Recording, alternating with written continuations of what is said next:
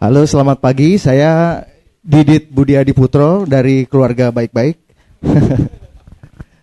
Ini menarik sekali apa presentasi Bang Saiful, Profesor Mokhtar dan juga uh, Pak Malik tadi mengenai kalau tadi Bang Saiful tadi kan bilang kurang lebih problem demokrasi kita ada civil liberty, political pluralism yang yang yang menjadi basis utama kenapa uh, indeks demokrasi kita atau kualitas demokrasi kita terus menurun. Tapi yang menarik saya mau berangkat dari data ya Bang Saiful tadi soal 60-30 tadi Bang.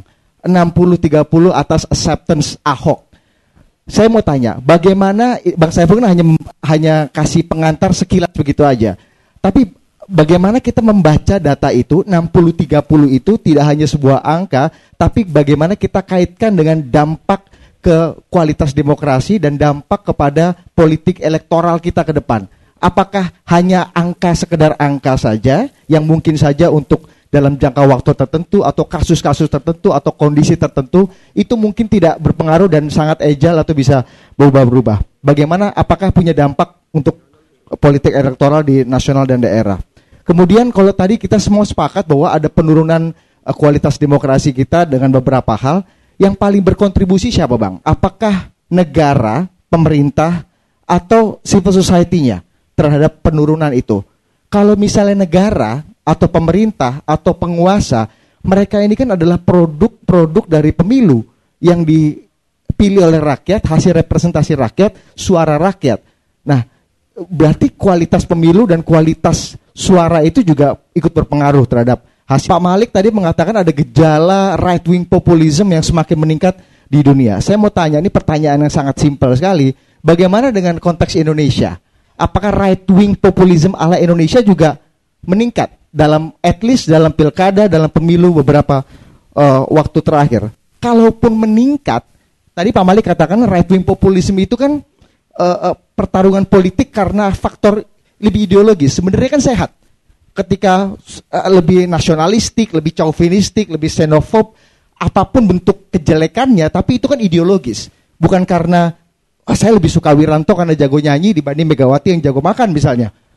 Kan nggak seperti itu lebih ideolog, wah saya eh, gitulah apa pun. Itu kan sebenarnya sehat. Nah, kalau misalnya jawabannya bapak-bapak semua iya nantinya bahwa ada kekuatan right wing apa namanya gejala right wing populisme yang semakin meningkat di Indonesia belakangan ini, kalau misalnya iya, kita kembali ke konteks politik terkini. Apakah pertemuan MRT antara Jokowi Prabowo, apakah pertemuan nasi goreng antara Prabowo dan Mega yang menunjukkan secara telanjang mata bahwa ini hanya drama politik, pragmatisme yang sangat telanjang mata, apakah itu menjadi obat antibiotik untuk menyembuhkan gejala apa namanya gelombang populisme yang semakin meningkat. Karena setelah telanjang mata, orang yang didukung dengan basis populisme dan konservatisme ternyata juga berujung pada hengki-pengki misalnya. Apakah ini menjadi cure yang secara alamiah ditunjukkan bahwa akhirnya rakyat mengerti bahwa oke okay, politik kita pragmatis saja. Jadi oke okay, kita kembali ke moderat aja. Itu moderasi efeknya punya dampak apa enggak? Itu aja. Oke. Saya mulai dari pertanyaan terakhir, bukan apa-apa. Mungkin yang ke depannya tadi udah lupa, panjang soalnya tadi ya pertanyaan. tapi tapi gini, yang terakhir dulu. Uh, ini soal persoalan toleration juga nih, konsep toleration tadi. Saya kadang-kadang juga agak khawatir dengan pertanyaan-pertanyaan survei, ya pertanyaan survei mengatakan kalau saya kalau anda pilih kalau anda punya pilihan Ahok atau misalnya Anies, anda pilih siapa? Kemudian orang pilih Anies karena mayoritas orang Indonesia barangkali Muslim, maka afiliasinya ke sana gitu milih ini. Lantas ini dianggap sebagai tidak toleran, kan gitu kan kira-kira gitu. Menurut saya barangkali ini bisa-bisa overuse ya, overuse of uh, the use of, uh, of the of the words of tolerance gitu saya kira to tolerations ini harus dimengerti juga agak hati-hati. Jadi kalau anda kalau kita mengharapkan to toleransi ukuran kita atau benchmark toleransi kita itu adalah uh, enthusiastic embrace apa tuh? Enthusiastic embrace. Jadi uh, embrace apa namanya apa pak? Rangkulan yang antusias terhadap somebody yang berbeda dengan kita. Wah, itu mantap. Ini siapa yang belum baca novelnya Pak Pak Mohtar mesti baca. Cakrawala apa Pak Julian Pak? Burung-burung cakrawala. Ini penuh bahasa-bahasa yang tadi itu. Saya nggak mungkin tuh menerjemahkan menerjemahkan tadi apa uh, enthusiastic embrace menjadi rangkulan bergairah.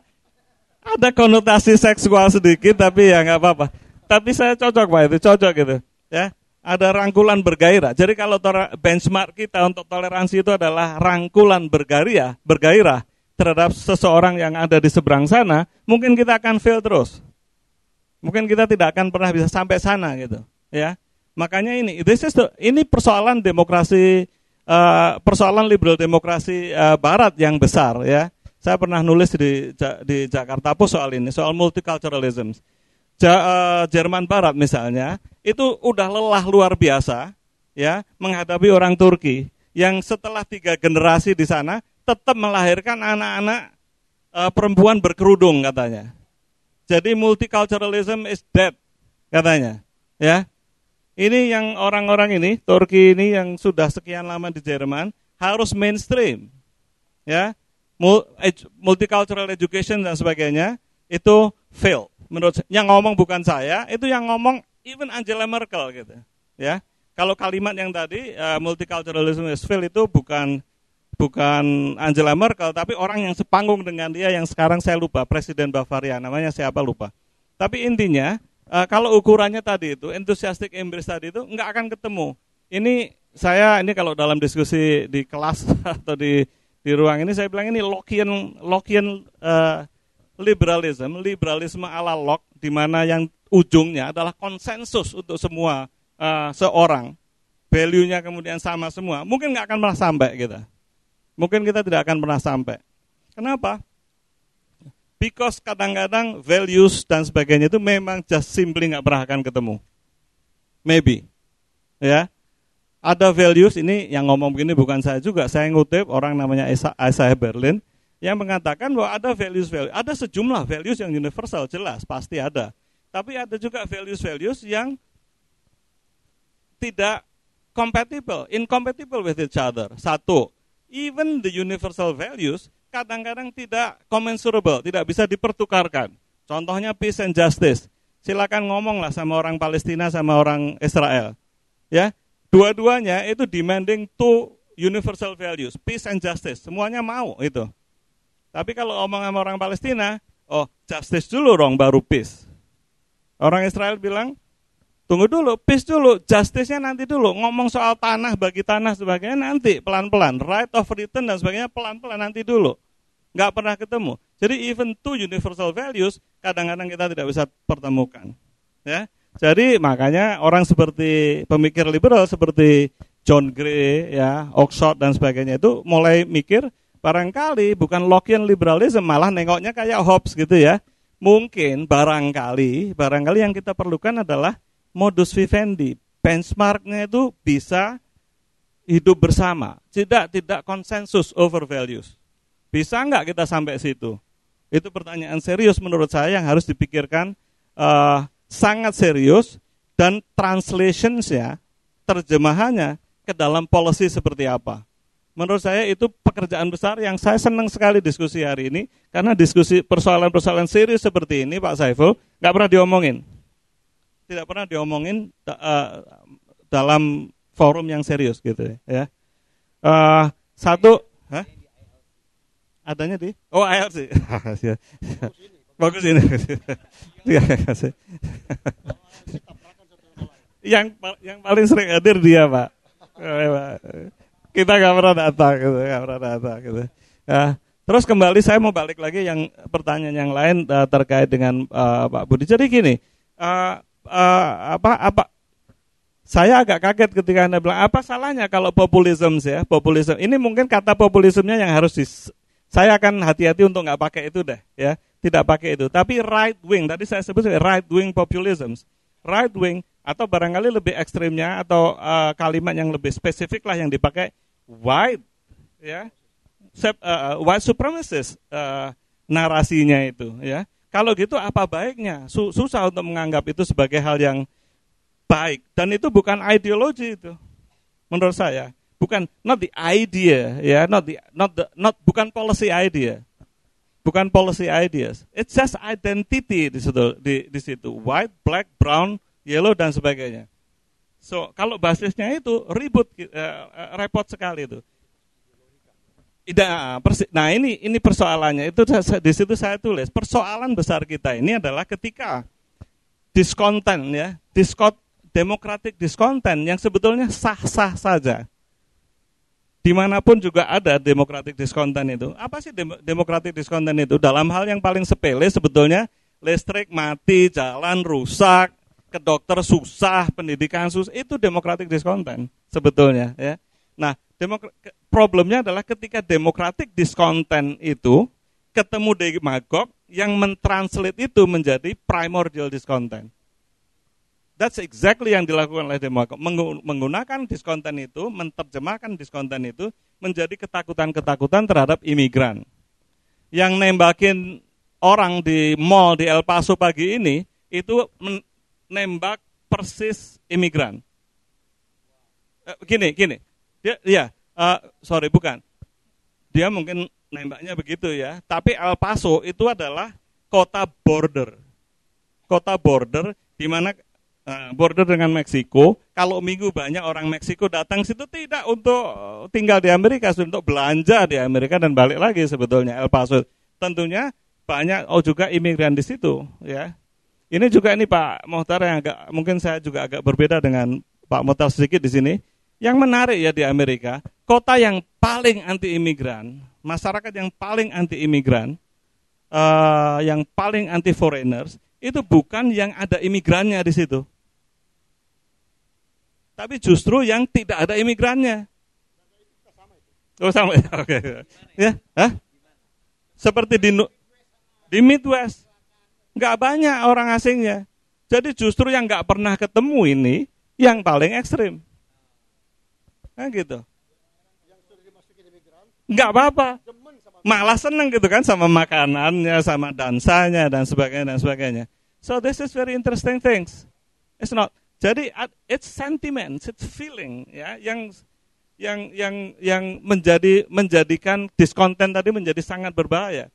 Dari civic atau democratic discontent menjadi primordial discontent. Nah, ini saya mau akhiri dengan ini. Saya ingat Clifford Geertz tahun 60-an ngomong ini, ya. Primordial discontent, strive more deeply and is satisfied less easily. If severe enough, it wants not just Sukarno or Nehru or Maulay Hasan said, it wants Indonesia, India, or Morocco. Itu Indonesia, India, atau Morokonya boleh kita ganti menjadi it wants democracy. Ya. Jadi bukan cuma diskontennya bukan civic lagi, tapi demokrasinya yang digugat. Digugatnya macam-macam, ekstrimnya apa? Ada buku nih, silakan dicari nanti. Buanglah demokrasi pada tempatnya. Di mana? Di sampah. Ada buku yang judulnya seperti itu. Iya, iya. Yang nulis kalau nggak salah orang Hizbut Tahrir. Buanglah sampah pada tempatnya. Ya, buanglah sampah pada tempatnya. Sampah, gambarnya sampah. Itu. Karena buang demokrasi buang masa juga. Iya. Mungkin itulah ya. Mudah-mudahan mudah-mudahan jawab Mas Budi ya. Makasih.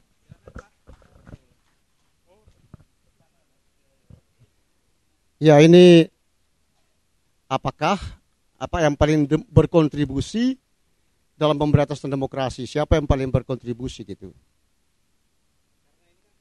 Ya ya ya. Saya mau begini. Ini ceritanya panjang uh, Bung Didit.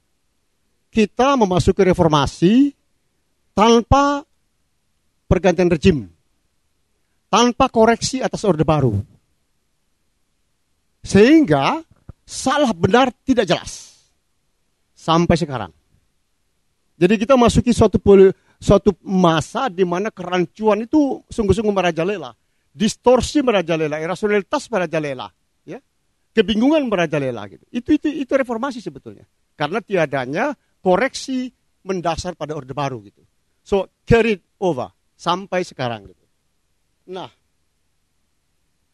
demokrasi itu kan prinsip-prinsip sebetulnya, prinsip-prinsip ya. Nah, prinsip-prinsip ini ya ini yang sekarang luntur, tidak ada prinsip-prinsip. Jadi orang seorang koruptor, sekarang bupati dari Kudus atau dari mana itu pada daerah Ya tertawa aja gitu. Siapa koruptor mana tertawa aja depan kamera. Memang ini semuanya begini kok. Kami adalah anak-anak Soeharto semua. Dan anak-anak Soeharto masih berkuasa gitu. Kalian mau apa gitu? Ini ini ini adalah hal yang, uh, ya. Jadi tidak ada ukuran salah benar sampai saat ini. Jadi kalau mengatakan yang paling kontribusi siapa di dalam di dalam apa namanya penurunan demokrasi ya bayaran yang yang ya orang Jawa mengatakan apa namanya? Apa namanya orang Jawa mengatakan? Ah, apa namanya? Yang apa mobeo itu? Apa itu? Apa? Jerbasuki mobeo ya. Orang Inggris mengatakan no gain without pain. Kita tidak mau membayar seluruh blunder luar biasa dari dari orde baru. Tidak mau kita bayar. Biarkanlah carry over. Angkatlah Habibie orang kedua. Orde baru menjadi presiden gitu. Itu sesuatu yang tidak masuk akal sebetulnya, tidak masuk akal. Ini yang kita warisi sampai sekarang. Jadi yang paling berkontribusi akarnya panjang sebetulnya. Bisa juga dihitung dari Bung Karno sebetulnya. Karena menghapuskan demokrasi. Gitu. Jadi panjang. Irasionalitas kita, politik kita tebal sekali. Nah yang kita bisa lakukan sekarang ini adalah sesuatu yang inkremental. Apa yang dikerjakan Bung Saiful dengan SMRC ini sesuatu hal yang mulia karena dia dia mulai satu demi satu disorot satu demi satu gitu. Ini ini saya kira yang yang yang yang sangat uh, penting kita sadari gitu. Dengan kata lain begini Bung Didit. Ketika reformasi bergulir 21 Mei 1998, saya mengatakan saudara-saudara sekalian, eh, teman-teman sama-sama seperjuangan, peliharalah nafas panjang. Karena pertarungan ini akan panjang gitu. Ini tug of war, ini tarik tampang yang panjang sekali antara barisan reformasi, barisan orde baru gitu. Sampai sekarang masih terus berlangsung. Ini ini ini yang harus kita sadari. Ya kita pelihara kalau bisa kita bisa Bung Ade, Bung Saiful bisa hidup 90 tahun baguslah gitu. Ya. Mempertahankan karena panjang memang. Panjang. Insya Allah. Amin. Rabbal alamin. Nah, uh, bagaimana hengki-pengki yang dilakukan misalnya di pertemuan MRT dan sebagainya gitu ya. Ya saya kira saya malas pendapat dengan apa namanya itu uh, uh, saya sependapat dengan orang-orang 212. Kami tidak ikut situ. Kami tetap pada sini, kami tidak setuju itu gitu. Kami tetap di sini di bawah. Kami tetap tidak setuju itu gitu. Jadi mereka tidak mau tidak mau ikut apa yang dilakukan oleh Prabowo di MRT gitu. Ini adalah suatu hal. Jadi sebetulnya dari segi apakah itu mendamaikan di bawah itu masih tunggu dulu gitu. Tunggu dulu. Ada orang-orang mengatakan, nah itu nggak selesai kok. Kita belum selesai. Kita masih akan terus melanjutkan. PKS pasti itu. Masih akan melanjutkan itu. Jadi saya kira itu hanya simbolis elite di atas aja gitu. Tapi di bawah belum tentu. Itu jawaban saya. Makasih. Ini terakhir akan Pak Saiful, tapi saya minta dengan khusus agar dijawab dulu nih yang pernyataan dari Pak Malik soal pertanyaan Ahok versus Anies itu itu nggak berlebihan ya untuk mengukur. Oke. Okay, uh,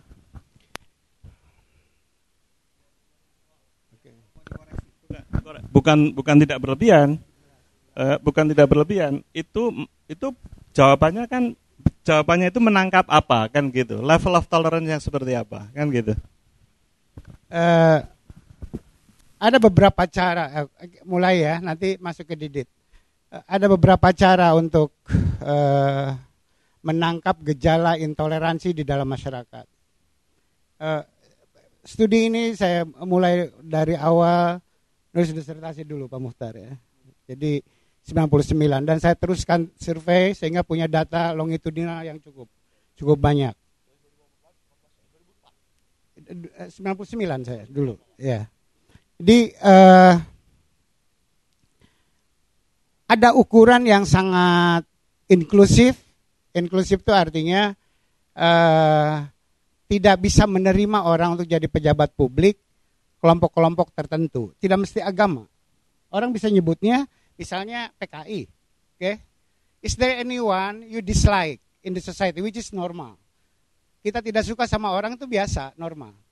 Tapi kalau orang yang kita tidak sukai itu tidak boleh mendapatkan hak-haknya sebagai rakyat, that's intolerance. Oke? Okay?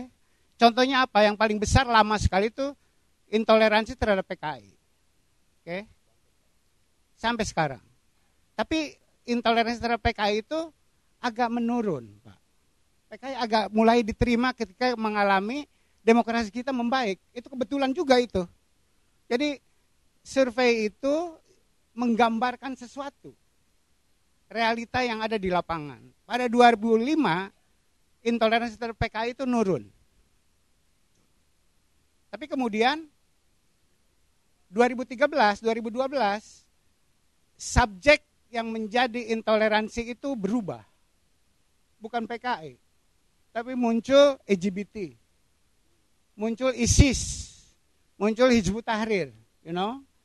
Itu kelompok-kelompok ini. Walaupun saya bukan orang Hizbut Tahrir, walaupun Anda bukan orang Hizbut Tahrir yang me me mengamati Hizbut Tahrir, dia sebagai orang yang lahir di Indonesia, dia punya hak untuk menjadi apa pun di negeri ini. Tidak boleh dihalang-halangi, kecuali dia melakukan tindakan kriminal. You know? Anda boleh nggak setuju sebagai orang NKRI nomor wahid. Gitu. Tapi saya sebagai manusia nggak bisa nerima NKRI kayak begitu. Jadi dasarnya saya manusia.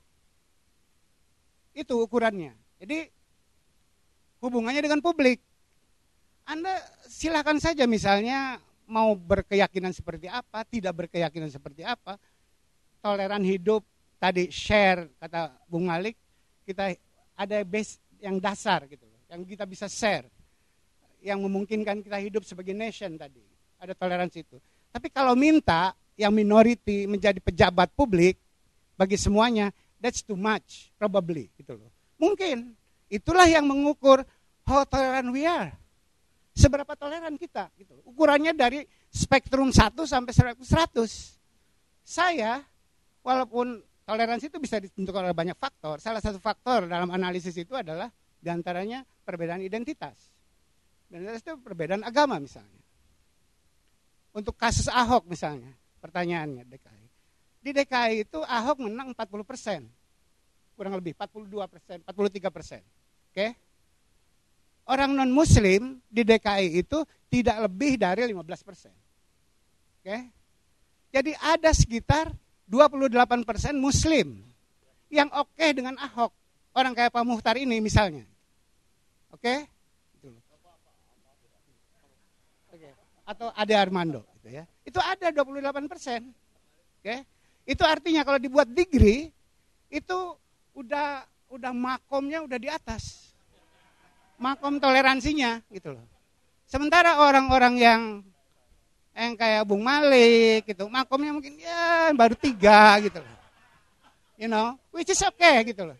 Which is okay gitu loh. Ya. Jadi jadi itu itu soal makom.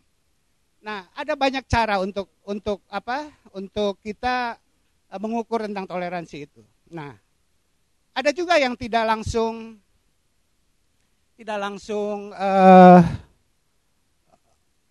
personal langsung disebut Anies lawan Ahok. Ada juga kalau Anda seorang muslim, kalau yang ran itu bukan muslim, Anda mau pilih atau tidak? Kira-kira kayak begitu. Itu juga high. High call untuk toleransinya. Itu juga untuk mengukur seberapa hebat sih orang Indonesia ini, seberapa keren orang-orang kayak Saiful banyak apa enggak gitu. Ya kan gitu. Nah, itu kita menemukan tadi angkanya paling tinggi itu 40 persen. Itu di kota-kota terutama. Dan itu berhubungan dengan pendidikan juga. Artinya apa? Kita, saya punya optimisme karena pendidikan kita walaupun lambat kata Bung Malik tadi makin membaik lah dikit-dikit gitu. Oke. Jadi orang-orang yang tidak toleran itu akan makin lama makin makin hilang lah Tris, jangan khawatir gitu. Oke. Iya, karena tadi asumsi tadi ada hubungan. Orang yang toleran itu orang yang lebih berpendidikan. Jadi kalau mau membangun demokrasi kata Bung Malik tadi mulailah dari situ. Dan dan dan budgetnya paling besar sejak reformasi. Ya, tapi hasilnya belum. Oke. Nah artinya apa?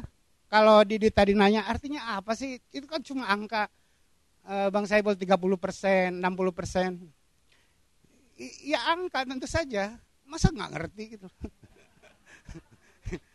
Dit gitu ya. Artinya apa? Artinya Anda nggak bisa maksain diri. Kalau Anda seorang praktisi, seorang politisi, mau run di Jakarta dan Anda kebetulan seorang Katolik, nggak usah dulu deh. Gitu loh. Anda belum bisa terima gitu loh. Oke. Demikian juga misalnya kalau seorang muslim di NTT sama juga gitu loh. Oleh karena itu level kita di situlah gitu. loh. Sekarang ini. Dan itu tantangannya. Tapi yang menarik kan begini. Ada kayak kasus wali kota London. Yang orang keturunan Pakistan. Ya. Itu kan menarik si Khan ini. Saya tanya teman-teman yang mengamati politik di Inggris itu. Itu kok bisa sih? Gimana menjelaskannya? Jadi seorang muslim di, iya, dipilih oleh mayoritas yang non muslim sebagai wali kota. Di Inggris dalam kasus ini adalah Han ini aktivis dan pengurus dan ketua partai buruh untuk level London. Nah, identitas sosial, you are Muslim, you are Kristen, or apa pun gitu ya, itu di, di Inggris terjadi transformasi identitas sosial ke dalam identitas politik. That's what happening. Artinya apa? Karena si Han ini orang buruh, orang ketua buruh, dan di London buruh kuat, maka nggak peduli itu dia agamanya apa, yang penting dia orang buruh, saya pilih. That's the transformation dari primordial identity ke dalam identity politik. Di Indonesia itu belum terjadi. Berat. Partainya tanpa identitas. Ya. Jadi partai kita kan nggak beridentitas apa gitu. Kalau Anda nyebut PDIP itu apa PDIP? Barang apa itu? Anda menyebut Golkar itu barang apa? Kan nggak ada bedanya. Sehingga tetap aja ngawang partai lebih abstrak daripada agama. Akhirnya agama lagi yang masuk. Ah ini dia barang. Ini lebih konkret. Urusannya surga dan neraka. Oke? Ini agama nggak jelas gitu. Apa nama partai-partai ini nggak jelas. Identitasnya nggak ada. Orang nggak punya ikatan dengan partai. Orang London bangga jadi seorang buruh. Bangga menjadi konservatif dan sebagainya dan sebagainya. Di Amerika juga begitu. Dia bangga nyebut dirinya seorang demokrat atau republikan. Di Indonesia Anda partainya apa? Malu-malu nyebut. Kalau perlu pergi ke belakang sana jangan jangan tanya ke saya gitu partai saya apa. Jadi karena nggak ada identity, jadi gagal. Pembangunan partai politik di Indonesia gagal. Gagal akibatnya adalah gagal mentransformasikan identitas primordial ke dalam identitas politik. Betul. Itu ya. Jadi eh, efeknya kalau dalam jangka pendek sekarang berat. Kalau kita ukur tadi dan udah saya uji di mana-mana gagal memang. Di Sumatera Utara, di DKI itu jelas. Tapi ada satu hal yang bisa mem membalance aspek intoleransi ini apa? Integrity yang strong. Itu yang bisa agak menetralisir. Saya buat studi eksperimental tentang efek mana yang paling kuat identitas, agama, integriti atau kompetensi dan sebagainya dan sebagainya. Yang bisa menurunkan efek primordial itu adalah integriti, bukan kompetensi. Ya. Jadi Ahok agak terbantu, orang muslim ya, biarin aja dia makan babi kayak apa gitu ya. Yang penting dia hebat, dia punya integriti, saya pilih dia. Akhirnya nah yang kayak begitu. Nah, itu membuat dia dapat 40%. Nah, itu ya, jadi uh, ada level semacam itu. Tapi kalau secara umum, lagi efek yang tadi, Anda tidak bisa run dengan uh, dasar identity seperti tadi. Selama ini di, di nasional itu belum pernah teruji. Makanya agama kelihatan di tingkat nasional itu tidak penting dalam hasil pemilu. Karena apa? Karena nggak pernah diuji. Calon presiden kita selalu muslim semua dan selalu Jawa semua. Ada yang tidak Jawa kan kalah. Siapa? Pak Hamjahas. Pak Yusuf kalah. Kalah kan? Gitu loh. Tapi itu bukan agama, itu lebih daerah dan identitas. Tapi yang agama tidak pernah diuji. Yang uji itu di pilkada. Beberapa kali. Dan kita belum lulus dari ujian itu. Kalah semua. Kalau Bung Malik tadi yang bilang ya itu terlalu tinggi permintaan toleransinya. Emang gitu loh. Dan kita punya degree how tolerant we are in politik gitu loh kira-kira. Oke. Uh, siapa paling berkontribusi? Pak Muhtar tadi udah menjelaskan Bung Malik. Kita yang incremental aja, yang agak agak kecil-kecil gitu yang bisa dilakukan. Pertama tadi saya, makanya saya saya dari kesimpulan presentasi saya tadi nyebut adalah uh, kita hanya punya leader yang komit terhadap kesetaraan warga, basic itu. Jadi itu yang harus dikampanyekan oleh media dan sebagainya. Trik record dia, komitmen dia terhadap kesetaraan warga itu seperti apa? Bukan hanya ditanya seperti apa wawancara kayak begitu, tapi recordnya seperti apa soal itu. Itu menurut saya syarat pertama, karena dialah kemudian yang punya kesempatan lebih banyak untuk mengeksekusi berbagai kebijakan. Itu satu. Kedua, lihat kebijakan-kebijakannya. Misalnya, undang-undang terorisme. Itu di dalamnya ada unsur yang tidak demokratis. Misalnya tentara terlibat untuk ngurusin masalah-masalah di dalam negeri kayak gitu keamanan semacam itu. Jadi eh, pertama adalah satu dari di daerah kepala kepala daerahnya harus dicek komitmennya terhadap kesetaraan warga itu basic. Kedua kita harus cek satu persatu aturan-aturan. Yang tadi disebutkan adalah misalnya SK SK SKB tiga menteri itu. Itu sampai hari ini itu masalah itu. Orang yang tadinya saya anggap keren untuk civil liberty, orang seperti Pak Mahfud, ketika jadi ketua MK dia nggak mau tuh nyabut itu. SKB tiga menteri kita tuntut ke sana oleh Towi mana Towi tadi? Itu Towi yang nuntut ke MK waktu Pak Mahfud jadi ini, Pak Mahfud nggak mau tuh nyabut itu. Dia, saya rasa dia ketakutan juga. Gitu. Dia dihanti oleh rasa takut. Kalau dia mencabut itu dianggap menghina Islam atau menghina agama. Ini kan undang-undangnya penodaan agama. Iya, jadi namanya aja udah udah menakutkan gitu loh. Jadi orang yang kritik terhadap agama punya pendapat yang lain itu menodai. Gitu. Masa orang menjaga supaya agama tidak dinodai itu nggak baik? Apa Mahfud menjaga itu kira-kira kan? Supaya agama tidak dinodai. Dia takut dengan istilah itu. Jadi ada aturan-aturan yang cukup banyak, apalagi kalau ditarik pada yang basic tadi. Kenapa orang orang Yahudi misalnya nggak nggak diakui atau agama yang lain, agama lokal banyak sekali. Terus misalnya orang yang mengaku ya saya nggak beragama misalnya atau saya LGBT habis itu. Orang yang ada ini jadi korban ini. Karena membela orang-orang seperti itu. Jadi uh, itu. Jadi faktor-faktornya ada dua tadi leadership. Siapa yang paling nyumbang? Ya leadershipnya punya punya komitmen terhadap itu. Di daerah takut semua. Di di sweeping kayak begitu. Di demo sebentar DPR-nya undang-undang syariah muncul yang yang bikin undang-undang syariah itu orang partai-partai nasional semua kok. Itu yang terjadi. Iya. Iya, bukan partai agama. PDIP, Golkar ya itu Demokrat. Itu pelopornya di daerah. Karena mereka punya image takut nggak dipilih. Itu image itu. Padahal dalam sejarahnya orang-orang ini kalau udah milih partai dan sebagainya, dia udah punya sikap sendiri gitu nggak mudah gitu. Jadi PKS ya suaranya seperti itu aja. Malah dia naik sekarang ya karena P3-nya hancur. Jadi ya di situ-situ aja ininya apa istilahnya uh, untuk ngeledek Kang Ade orang-orang itu apa? kubangan. Ya, kubangan cebong-cebong di situ. ya, masih di situ.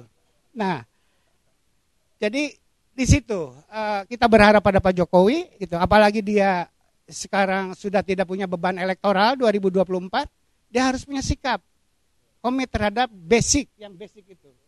Uh, basic demokrasi kesetaraan antara warga dan uh, rule of law. Uh, di kita sebenarnya cukup populisme itu cukup kuat. Kebetul, saya nggak pernah rilis, kita punya data-data itu tentang populisme. Uh, apa namanya kalau di di di di Jerman atau di Amerika mungkin white supremacy kayak gitu. Kalau di sini mungkin Muslim supremacy. Yes, itu terkait di Indonesia ada itu. Orang yang menganggap dirinya orang Islam itu lebih hebat daripada bukan Islam. Adalah itu keyakinan agama. Kalau nggak ada Anda bohong gitu loh. Gitu loh. Ada. Jadi dan itu kuat gitu loh. Jadi apa itu? Itu gejala yang umum. Sekarang kayak beda-beda tentu saja tergantung pada identitasnya yang kuat. Kalau di sana super, white supremacy ya karena di sana yang kuat itu. Kalau di Indonesia apa identitasnya yang kuat kayak begitu? Muslim yang paling kuat, bukan etnik gitu. Bukan etnik apakah itu Jawa atau apakah itu Padang dan sebagainya. Nah, itu uh, dan itu mengganggu memang karena kenyataannya tadi bahwa populisme itu yang berpikirnya tuh menghilangkan aspek-aspek yang agak rasional. Gitu. Ukuran-ukurannya itu lagi-lagi tuh soal identitas kembali. Uh, kita menyaksikan pemilu-pemilu kita termasuk pemilu terakhir itu unsur itu sangat kuat. Cuma itu bisa dicegah karena identitas yang jadi kontestannya itu sama. Pak Prabowo dan Jokowi sama-sama orang Jawa. Islamnya juga kurang lebih sama lah gitu. Nggak bisa klaim yang satu lebih Islam daripada yang lain. Itu yang yang relatif membantu. Coba kalau kalau itunya kuat, beda sekali, itu ceritanya akan lebih berdarah. Terima kasih. Assalamualaikum warahmatullahi wabarakatuh.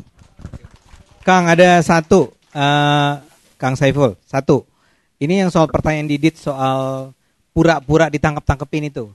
Kan begini. Oh oke okay, oke, okay. lupa Dit. Ya. Sorry sorry. Okay. Anda kan menganggap yeah. bahwa sebetulnya itu adalah bagian dari indikator bagaimana civil liberty orang dikengkang kan karena gara-gara ngomong sesuatu terus ditangkap. Ternyata menurut Didit itu pura-pura aja. Eh, prakteknya kelihatan kayak begitu kan, gitu. Uh, ya, itu bagian dari tadi bahwa perlunya oposisi dan sebagainya itu terkait dengan itu. Dan dan lagi-lagi ada nggak tahu opini apa gitu ya yang mengatakan kita perlunya bersama-sama sebagai satu bangsa. Oke? Okay? Setuju lah, gitu masa nggak nggak setuju dengan sama-sama gitu ya? Gitu. Tapi tapi nggak begitu caranya gitu maksud saya. Jadi kalau yang tadinya sangat sangat keras terhadap waktu kontestasi terhadap perbedaan ini terhadap opini. Sebenarnya itu opini, opini. E, misalnya ada Dani nyebut apa bego ya, idiot. Itu jelas gitu loh. Jangan terlalu bawakan maksud saya. Itu biasa gitu yang kayak begitu. Itu yang yang ngantemin Trump dengan pakainya ini loh, apa kayak orang utan itu loh. Si siapa namanya? Itu kalau ngeledek bener-bener rambutnya sama kayak orang utan itu untuk Donald Trump itu udah udah fisikal banget. Iya. It, itu itu luar biasa. Maksud saya dalam demokrasi hal semacam itu kalau dari, kamu bodoh nih presiden, ya biasa aja kalau se seperti, seperti itu harusnya gitu. Tapi ya lagi-lagi kelas kita dalam toleransi dan berdemokrasi belum sekelas itu. Yang kita tuntut itu memang demokrasi yang hebat, yang top gitu loh. Tapi kan kita ingin lebih maju gitu loh. Oleh karena itu yang kayak gini nggak bisa kita benarkan. Jadi kalau Anda katakan kesannya itu main-main, memang kesannya jadi begitu kan. Tadinya serius ditangkapin dan seterusnya ditahan, laporin ke polisi. Setelah pemilu selesai udah. Udah is, apa namanya damai damai damai semua kayak begitu kan? Dirangkulin. Itu kan jadi lucu banget gitu dan tapi nggak nggak bisa diomongin di ruang umum. Ada cerita yang lain